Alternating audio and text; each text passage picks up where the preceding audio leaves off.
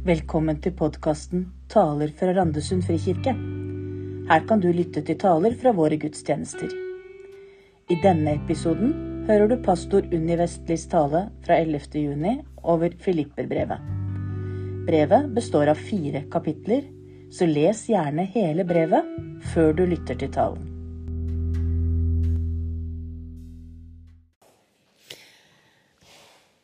I januar så fylte jeg 60 år.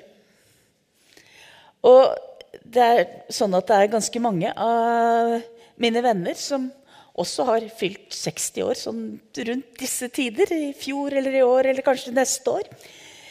Eh, og av og til så snakker vi om det der sånn med å fylle 60 år. Og kjennes litt rart å ikke lenger kunne omtale seg sjøl som ung. eh, absolutt ikke. Eh, å bli ansett som senior i arbeidslivet. Eh, og eh, det der sånn med å skulle feire, feire og snakke om ja, ja, nå fyller vi 60 og sånn. Og veldig ofte når vi snakker om disse tinga, så kommer vi liksom til en sånn konklusjon på denne samtalen vår som er omtrent sånn. Ja, ja, men vi får jo være glad for at vi fyller 60, for alternativet, det er jo mye verre. Det hadde ikke Paulus vært enig i.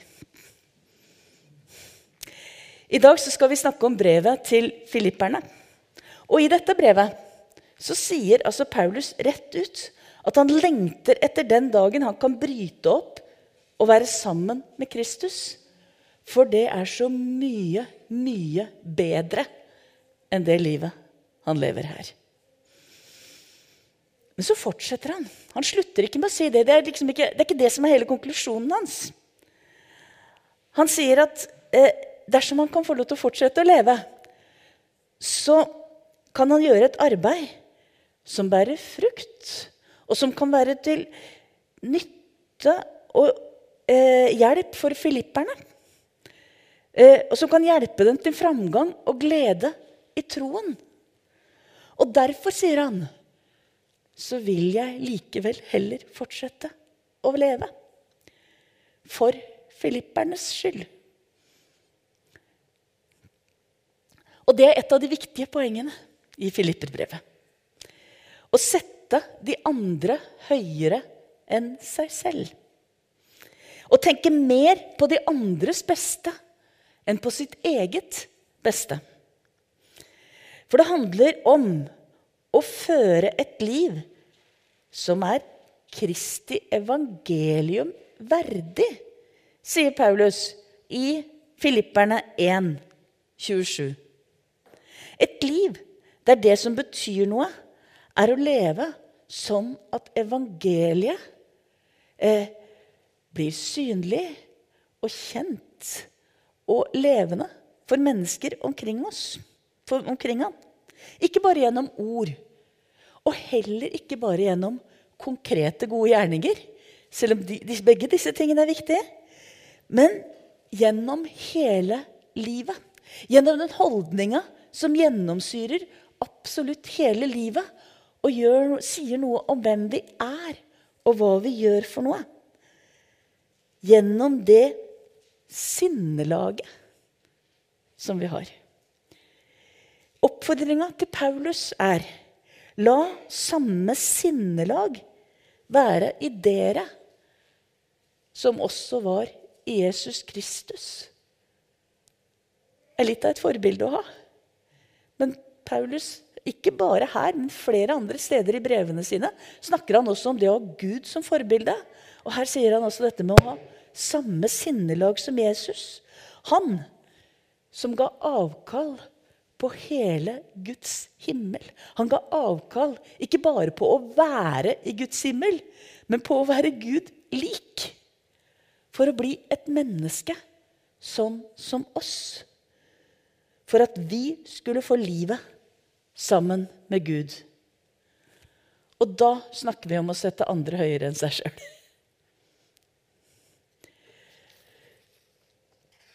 Og så har jeg tenkt på Hva betyr dette her sånn i vår hverdag?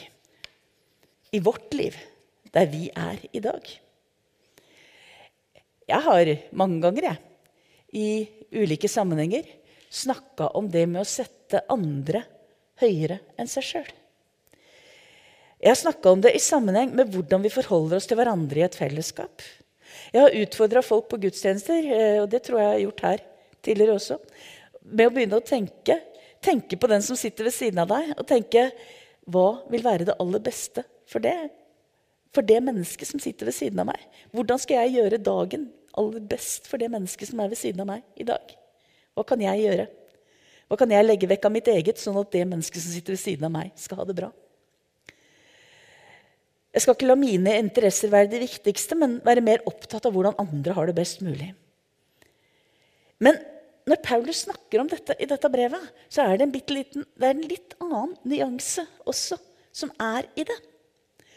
For det handler ikke bare om at andre skal ha det bra, men det handler om hvordan vi kan gjøre Kristus synlig for hverandre.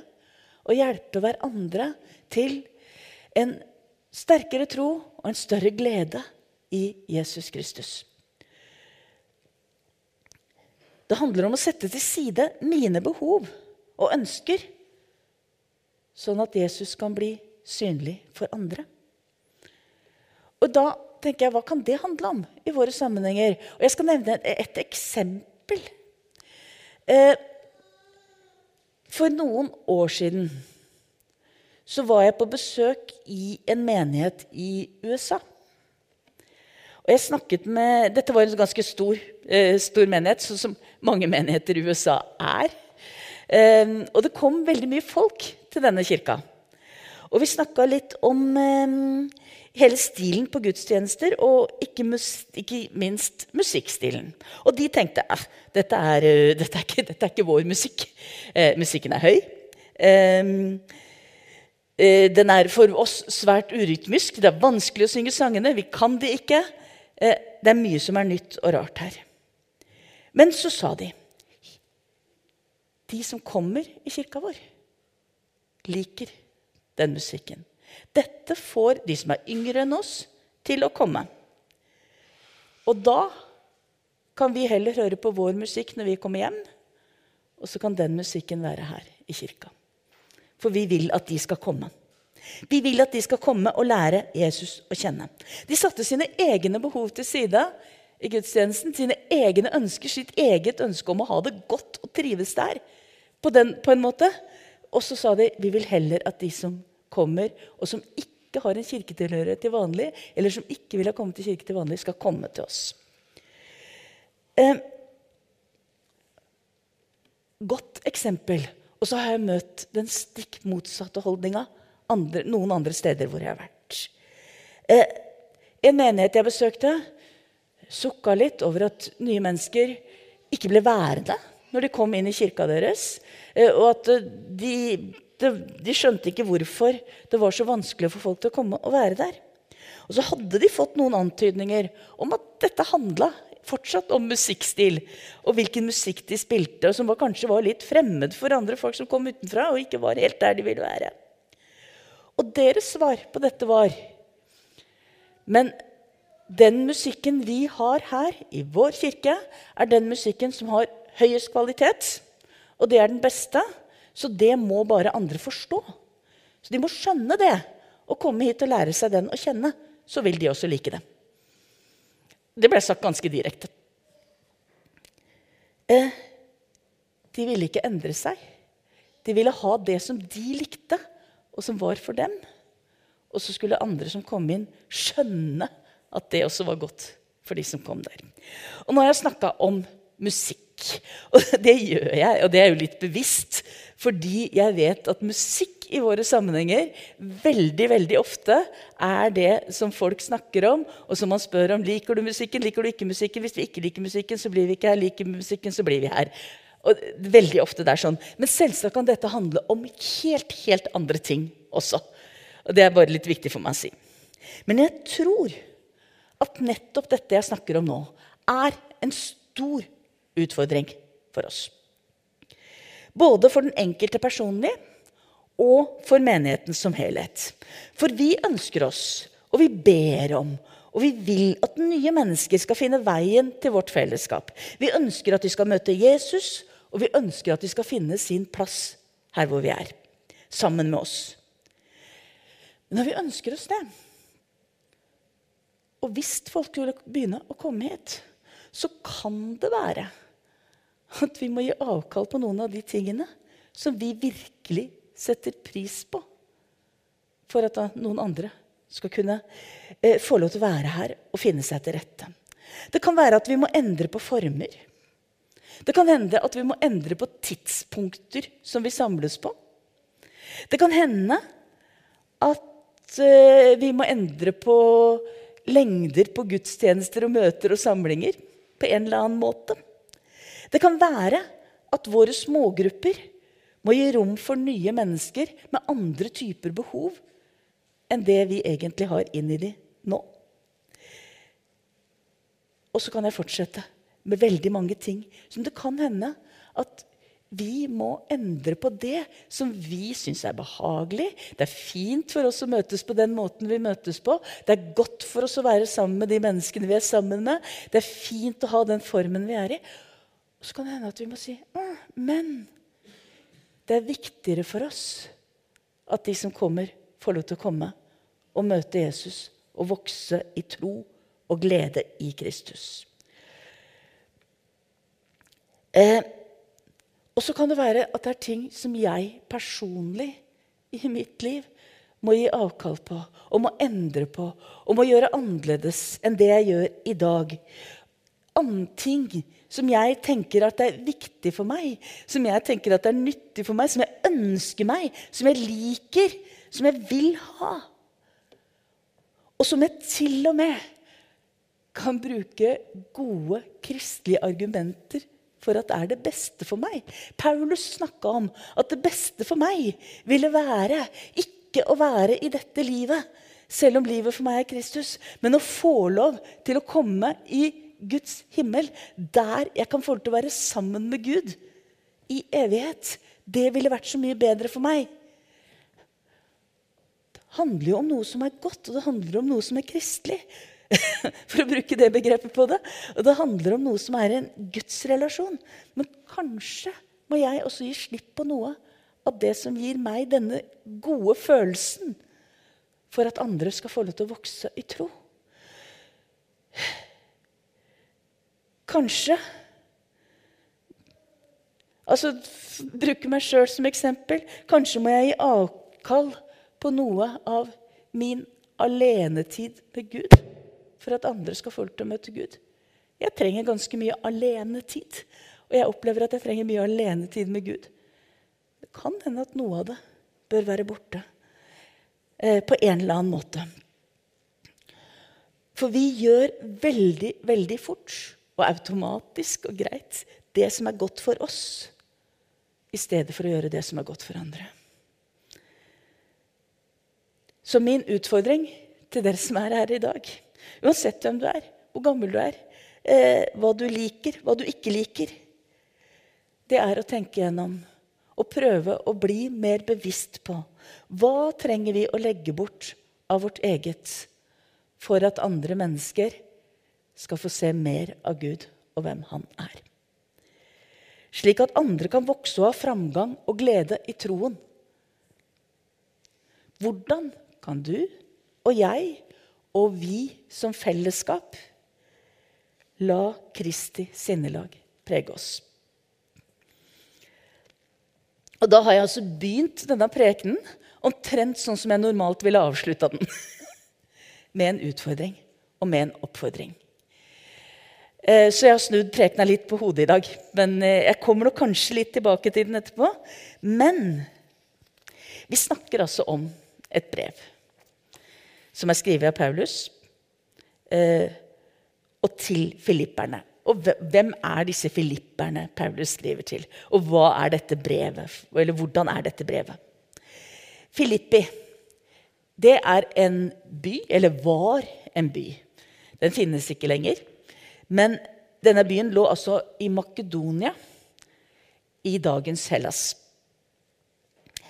Eh, og litt interessant er det jo at Filippi er faktisk det aller første stedet i Europa hvor vi hører om et navngitt menneske som eh, tar imot Jesus og følger ham.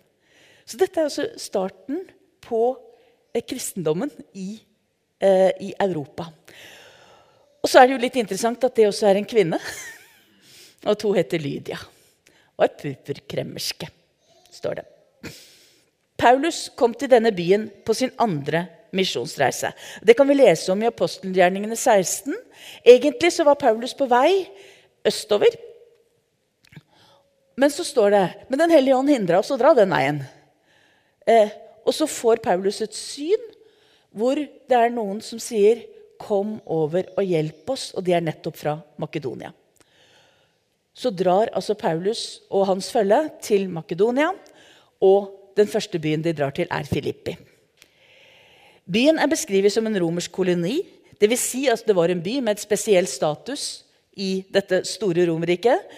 Eh, eh, hvor de hadde litt egne rettigheter og en del sånt noe. Og det var mange romere som var bosatt der. Eh, det var et sted hvor soldater som var blitt pensjonert, ofte ble bosatt. Denne byen. Så det var mange romere som var bosatt der, men det var også grekere og andre folkeslag. Men det var sannsynligvis ikke mange jøder som bodde i denne byen. For når Paulus kom til en by, så oppsøkte han jo alltid eh, først jødene og forkynte evangeliet om Jesus for dem. Og I Filippi så oppsøkte han ikke synagogen. Men han oppsøkte et bønnested ved elva, står det. For at det skal være en synagoge, der hvor man kan holde gudstjenester i en jødisk forsamling, så må det altså være minst ti voksne menn for å kunne en, ha en synagoge og ha gudstjeneste. Voksne menn er da de som er over tolv år. Eh, det var det sannsynligvis ikke i Filippi. Så de hadde et bønnested ved elva, og de som møttes ved dette bønnestedet, var kvinner som kom sammen for å be. Lydia var en av de. Og Paulus delte evangeliet med disse kvinnene og Lydia kom til tro, og det ble en menighet i Filippi. Så var også Paulus innom Filippi på sin tredje misjonsreise. Og antageligvis en gang til også. Så Filippi var en by Paulus besøkte mye. Og det brevet som vi snakker, snakker om i dag, det er sannsynligvis skrevet mens Paulus var i fangenskap i Roma. Eh, Ca. ti år etter dette første besøket i Filippi. Og dette er et nært og personlig brev. Kanskje det mest personlige av alle brevene til forsamlinger og grupper som Paulus skriver.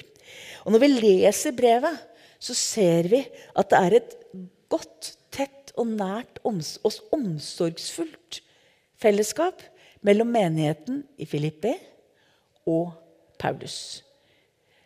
Dette er en menighet Paulus bryr seg om og er glad i.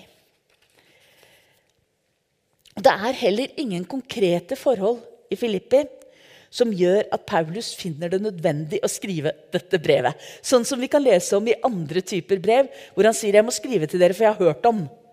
Og så kan det være vranglærer som har kommet inn i menigheten, eller det kan være eh, noen som er uenige, eller de kan ha sklidd en eller annen retning som ikke er så heldig i forhold til noe. Det finnes ingenting sånn i dette brevet til filipperne.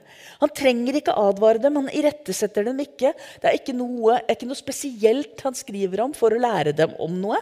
Det er et brev som eh, uttrykker en generell glede over menigheten som finnes i Filippi over gaven som de har sendt til Paulus, og over omsorgen de viser ham.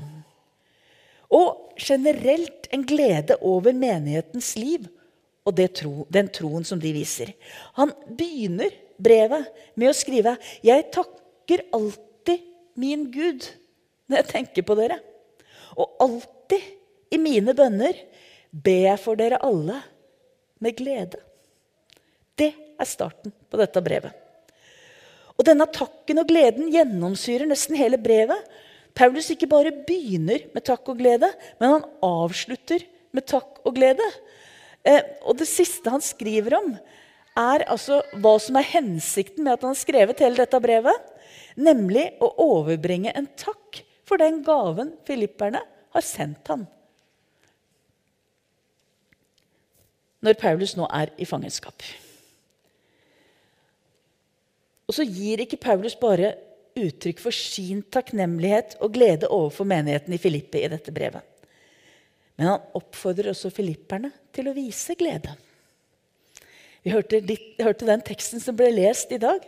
Åsta leste, så begynte hun å lese denne oppfordringa til å glede seg i Kristus. Og Det er en ganske sterk oppfordring. Han sier 'gled dere i Herren alltid'. Og så sier han 'jeg blir ikke trett av å skrive det på nytt'.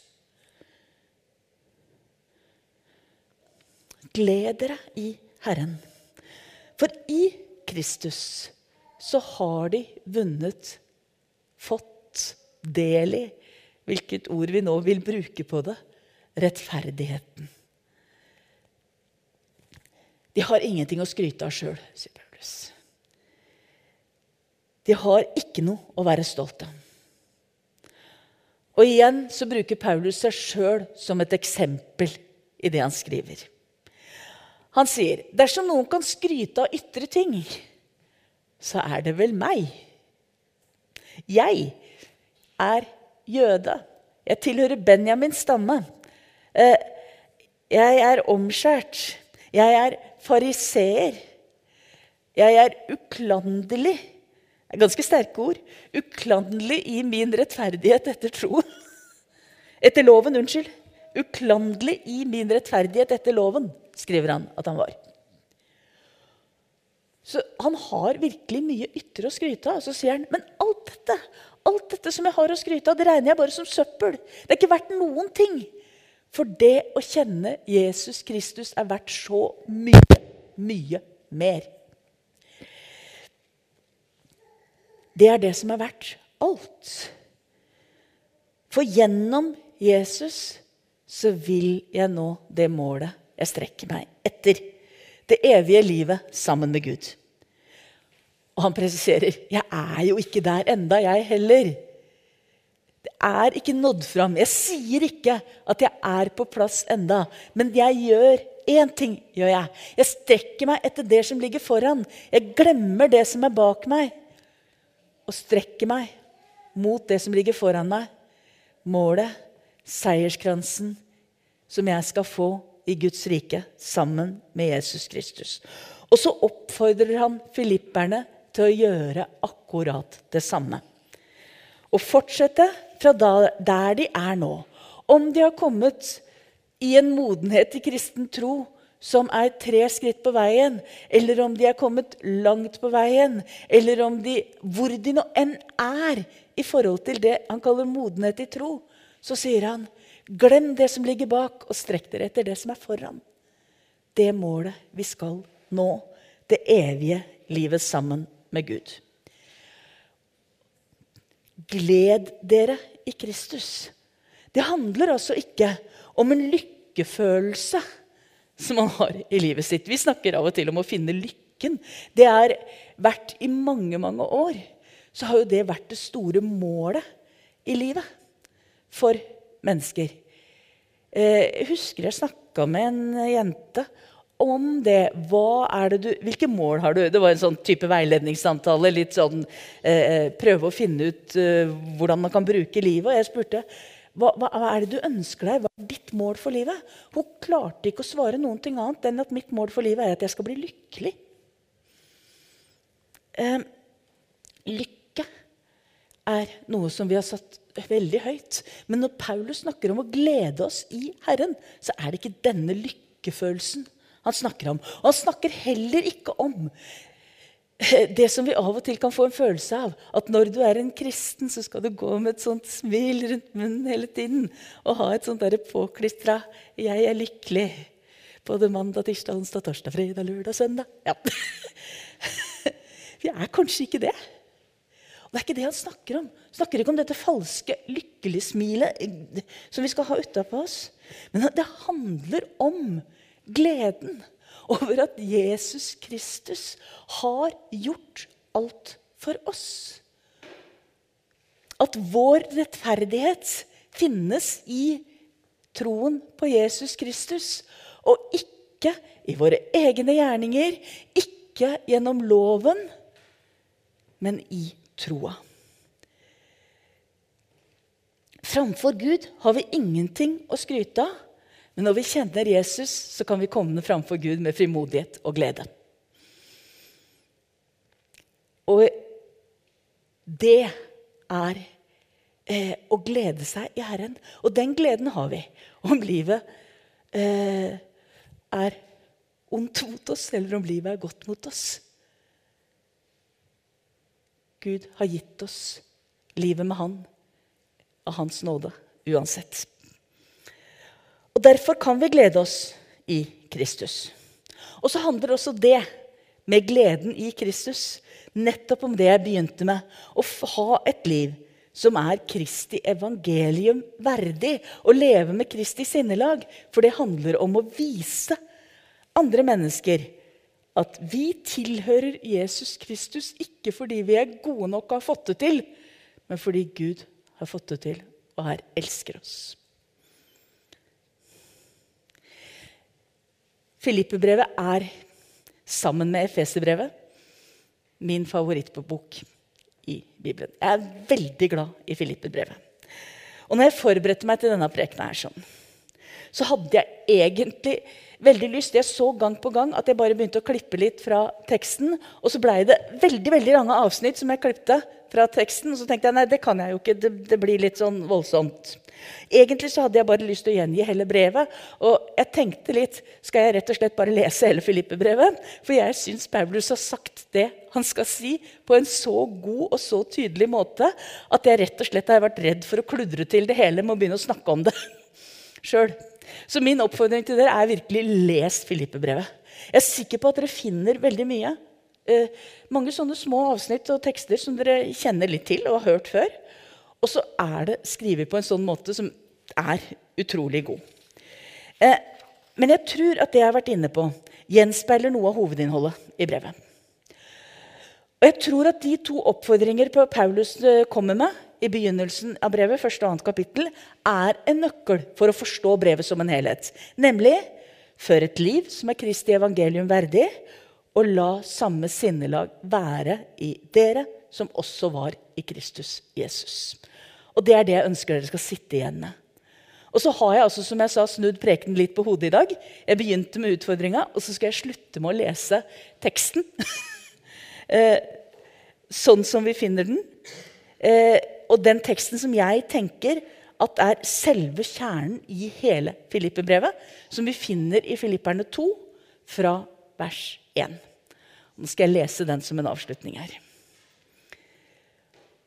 Om det da er trøst i Kristus, oppmuntring i kjærligheten, fellesskap i ånden, om det finnes medfølelse og barmhjertighet, så gjør min glede fullkommen. Ha samme sinnelag og samme kjærlighet. Vær ett i sjel og sinn. Gjør ikke noe av selvhevdelse og tom ærgjerrighet, men vær ydmyke og sett de andre høyere enn dere selv. Tenk ikke bare på deres eget beste, men også på de andres. La samme sinnelag være i dere som også var i Kristus Jesus. Han var i Guds skikkelse og så det ikke som et rov å være lik Gud, men ga avkall på sitt eget tok på seg en tjenerskikkelse og ble mennesker lik. Da han sto fram som menneske, fornedret han seg selv og ble lydig til døden, ja, døden på korset. Derfor har også Gud opphøyd ham til det høyeste og gitt ham navnet over alle navn. I Jesu navn skal derfor hvert kne bøye seg, i himmelen, på jorden og under jorden og hver tunge skal bekjenne at Jesus Kristus er Herre, til Gud Faders ære. Amen.